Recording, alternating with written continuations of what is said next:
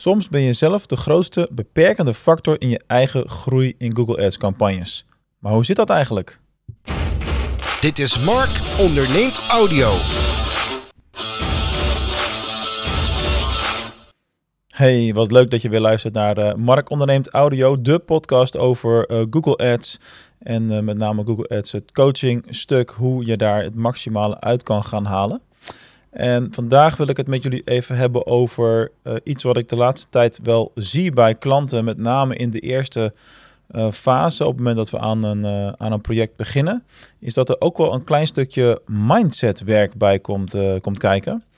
En wat ik meer dan, ja niet meer dan ooit, maar wat ik vaker tegenkom dan dat ik van tevoren had verwacht, laat ik het dan maar zo formuleren, is dat er links en rechts toch wel eens beperkende overtuigingen kunnen zijn. En beperkte, beperkte overtuigingen, dat zijn natuurlijk bepaalde dingen die je uh, al gelooft. Of waarvan jij zegt, nou dat is hoe het is, dat is hoe het werkt. En dan is het moeilijk om daarvan af te stappen, om daarvan af te komen als het ware. En de, de meest, um, de meest voor de hand liggende daarin is dat je zegt van nou, dit is hoe het altijd heeft gewerkt. En dat is dus nu ook hoe het zou moeten en hoe het moet werken. En, en dat is een, een geloof waar je zeker bij zo'n snel ontwikkelende tak van sport als Google Ads ook zo snel mogelijk weer uh, van af moet zien uh, te stappen. Dus dat is heel erg belangrijk. Um, maar hoe, hoe zit het eigenlijk tegenwoordig? Want welke beperkte overtuigingen kunnen jou um, ja, tegenwerken in het Google Ads systeem? Want daar gaan we natuurlijk even op, op inzoomen specifiek. Het is ten eerste niet jouw schuld, dat is misschien wel even belangrijk om mee te beginnen, niet jouw schuld dat die beperkte overtuiging er is, ervan uitgaande dat die er is. Want als je al wat langer met Google Ads werkt, dan ben jij gewoon gewend aan het hebben van enige vorm van controle. Dat vinden wij mensen sowieso wel prettig, de controle hebben over dingen, het gevoel hebben, het idee hebben dat we zelf de regie hebben. Hoewel het natuurlijk in heel veel situaties helemaal niet zo, uh, zo is. Maar toch willen we dat wel. En ja, het hebben van controle, dat was iets wat altijd heel erg prettig was. Dus in het, in het begin van, van Google Ads, toen had jij de controle over de, uh, de bieding per klik. Wat ben ik bereid uit te geven per keer dat iemand op mijn advertentie klikt, bijvoorbeeld. Je had mega veel controle over alle uh, zoektermen en de specificaties daarin. En je kon soms campagnes hebben met wel honderden zoektermen daarin. En die werden ook allemaal geladen en vertoond en noem het maar op in de loop van de jaren is die, uh, is die vorm van controle is het eigenlijk telkens een stukje minder geworden. En dat gaf een beetje een dat zo'n bekruipend gevoel van, maar Google, wat doe je nu? Want ik wil zelf kunnen bepalen hoe het gaat lopen, hoe het werkt en waar, wat er wel getoond wordt en wanneer en op welke manier en noem het allemaal op. En die controle die wordt stap voor stap weggenomen. En dat is al een tijdje aan de gang. En geloof me, dat wordt nog veel erger. We zijn nog lang niet op het punt waar dit gaat eindigen. Dus uh, ja, denk twee, drie jaar in de toekomst, dan, uh, dan hebben we nog veel minder controle over een heleboel dingen binnen Google Ads, waar we vroeger wel de controle over hadden. En een andere vraag die je daarbij kan stellen is: is dat eigenlijk wel erg? Nou, het, het feit dat ik de vraag stel, is misschien ook wel een beetje het antwoord al geven. Ik denk van niet. Ik denk dat het helemaal niet erg is. Ik denk dat het systeem eigenlijk alleen maar beter wordt en slimmer wordt. En dat we steeds meer gebruik kunnen maken van alle data die daaruit komt. En dat onze rol verandert en dat soort zaken allemaal. En daar gaan we wat verder op inzoomen nu. En eerst nog even terug naar wat zijn nou dingen waar je van oudsher altijd controle over had. Denk bijvoorbeeld aan advertentieteksten. Nu lijkt je geen controle meer te hebben. Tot op zekere hoogte heb je die nog steeds wel. Maar vroeger had je gewoon een, een titel, een omschrijving en dan had je die, die site link extensies en zo. Maar goed, dat was de basis. Dat was je advertentie. En wat je dan deed, of wat ik dan altijd deed, is dan maakte ik bijvoorbeeld in een campagne maakte ik uh, vier verschillende advertentieteksten. En die gingen we dan een maand laten lopen. Of zolang als nodig was om voldoende uh, volume te krijgen, zeg maar. En dan na een maand gingen we kijken welke van deze twee presteren nou het beste. En dan kijk je naar conversieratio natuurlijk, maar ook naar click-through ratio's, dat soort dingen. En dan schakelden we de twee die het minst presteren uit. En die andere twee lieten we doorlopen. En dan bedachten we er weer twee nieuwe bij. En zo kregen we dus heel vaak hè, de mogelijkheid om uh, die CTR's continu te blijven verbeteren. Ja, vandaag de dag is dat een totaal ander proces. Vandaag de dag maak je nog maar één advertentie aan en dat is dan responsive advertentie. Dan kan je wel acht tot tien verschillende titels invoeren, tot vier omschrijvingen, enorm veel extensies en noem het maar op allemaal. En dan laat jij het dus aan de machine over. Over controle weg, loslaten gesproken. Dan laat je het aan de machine van Google over om te bepalen ja, wat moet er nou getoond worden en wanneer. En in welke combinaties vooral ook. En dan zie je dat je daarin ehm, vaak betere resultaten behaalt dan wanneer je dat met die handmatige advertenties uh, kon doen. Nou, inmiddels is het al bijna zover, want vanaf 1 juni kun je die normale advertenties al niet eens meer aanmaken. Dan ben je al verplicht om met die responsive ads te gaan werken. En dit is gewoon weer een voorbeeld van een stuk controle wat je had en dat wordt uh, weggenomen. Nou, even het haakje maken naar die beperkte overtuigingen en waarom dat dan je groei kan remmen.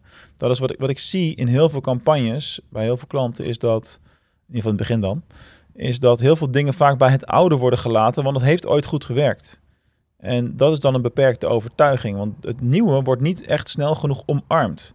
En als competitie, de concurrentie dat wel doet, ja, dan ga jij dus achterlopen. En dat is een groot gevaar.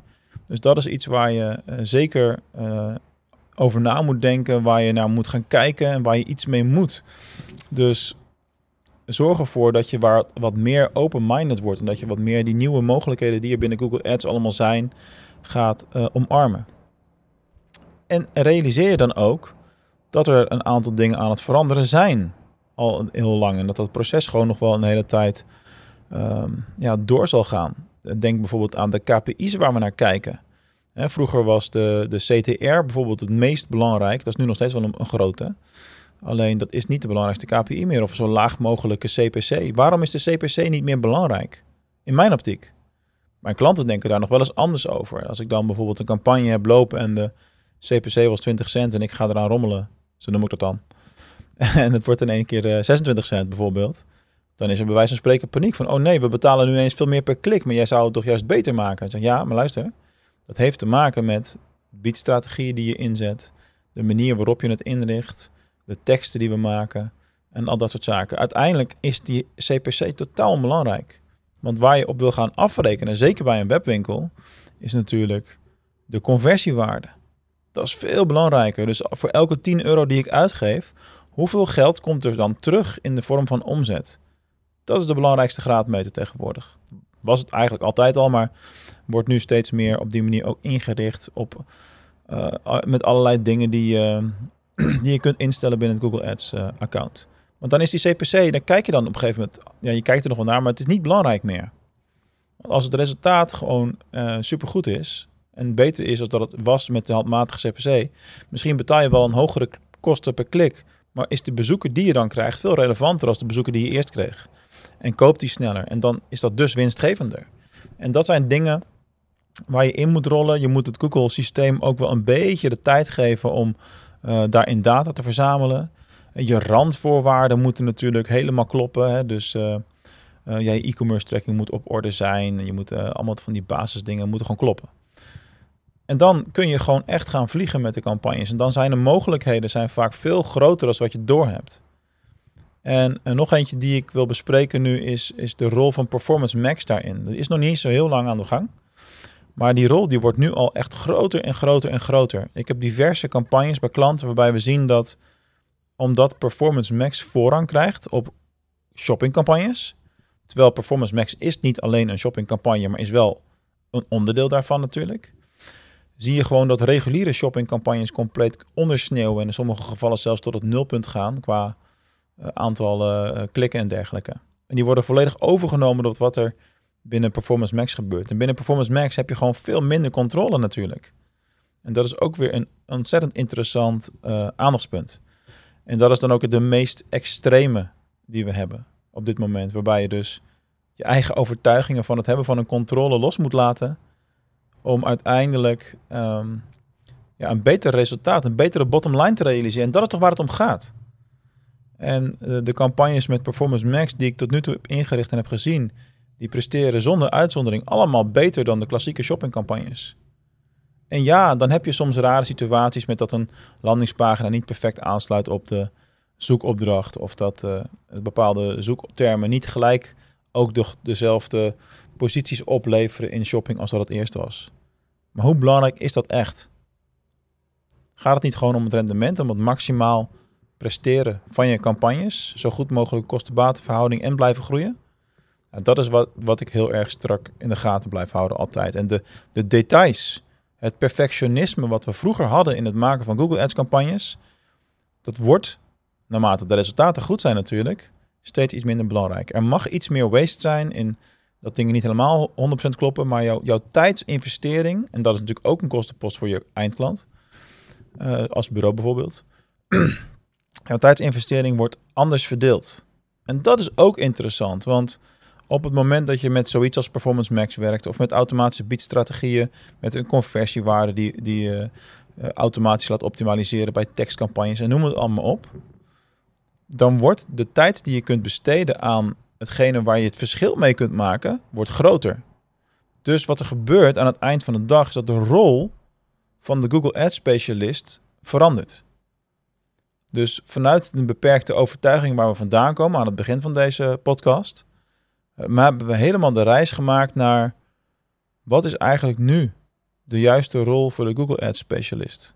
En wat wordt het? Want het is natuurlijk een transitiefase waar we nu in zitten. Niet alles gaat tegelijkertijd binnen het systeem van Google Ads. Nou, wat belangrijk is daarin is dat er meer tijd komt voor de creatives. Oftewel, het goed blijven onderzoeken welke afbeeldingen nou het beste werken, welke teksten nou het beste werken, uh, creatiever daarin worden. Hè? Dus, dus meer tijd spenderen aan het schrijven van die teksten bijvoorbeeld. En daarmee meer onderscheidend vermogen in je advertenties creëren. Die rol wordt groter. En dat is ook hetgene waar uh, ja, de specialisten zich echt meer en meer in kunnen onderscheiden. En dat is waar jij ook aan kan werken, waar jij je ook in kunt onderscheiden. Nou, een van de eerste dingen die ik natuurlijk doe in mijn Google Ads coaching trajecten is het bespreekbaar maken van de beperkte overtuigingen voor zover ze er zijn. Deze met jou wegnemen, de angst wegnemen en dan vervolgens aan de slag gaan met de nieuwe vormen van campagnes die er allemaal zijn. En daarmee, um, ja, daarmee eigenlijk gewoon binnen twee, drie maanden een veel verbeterd, eh, sterk verbeterd resultaat neer kunnen zetten van de campagnes.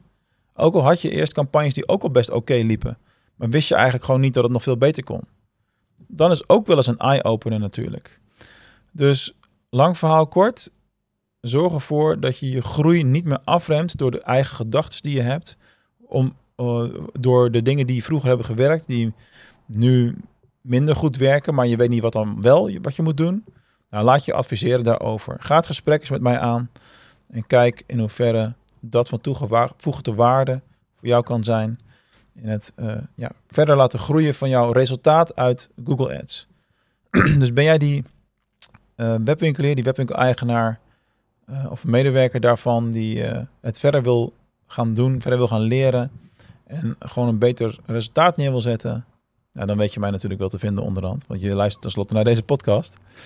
Uh, maar ga dan ook een keer je call met mij inplannen om te kijken wat de mogelijkheden echt zijn. Ga naar markondernemend.nl slash call. En voor nu wens ik je een fijne dag en hoor je mij snel weer.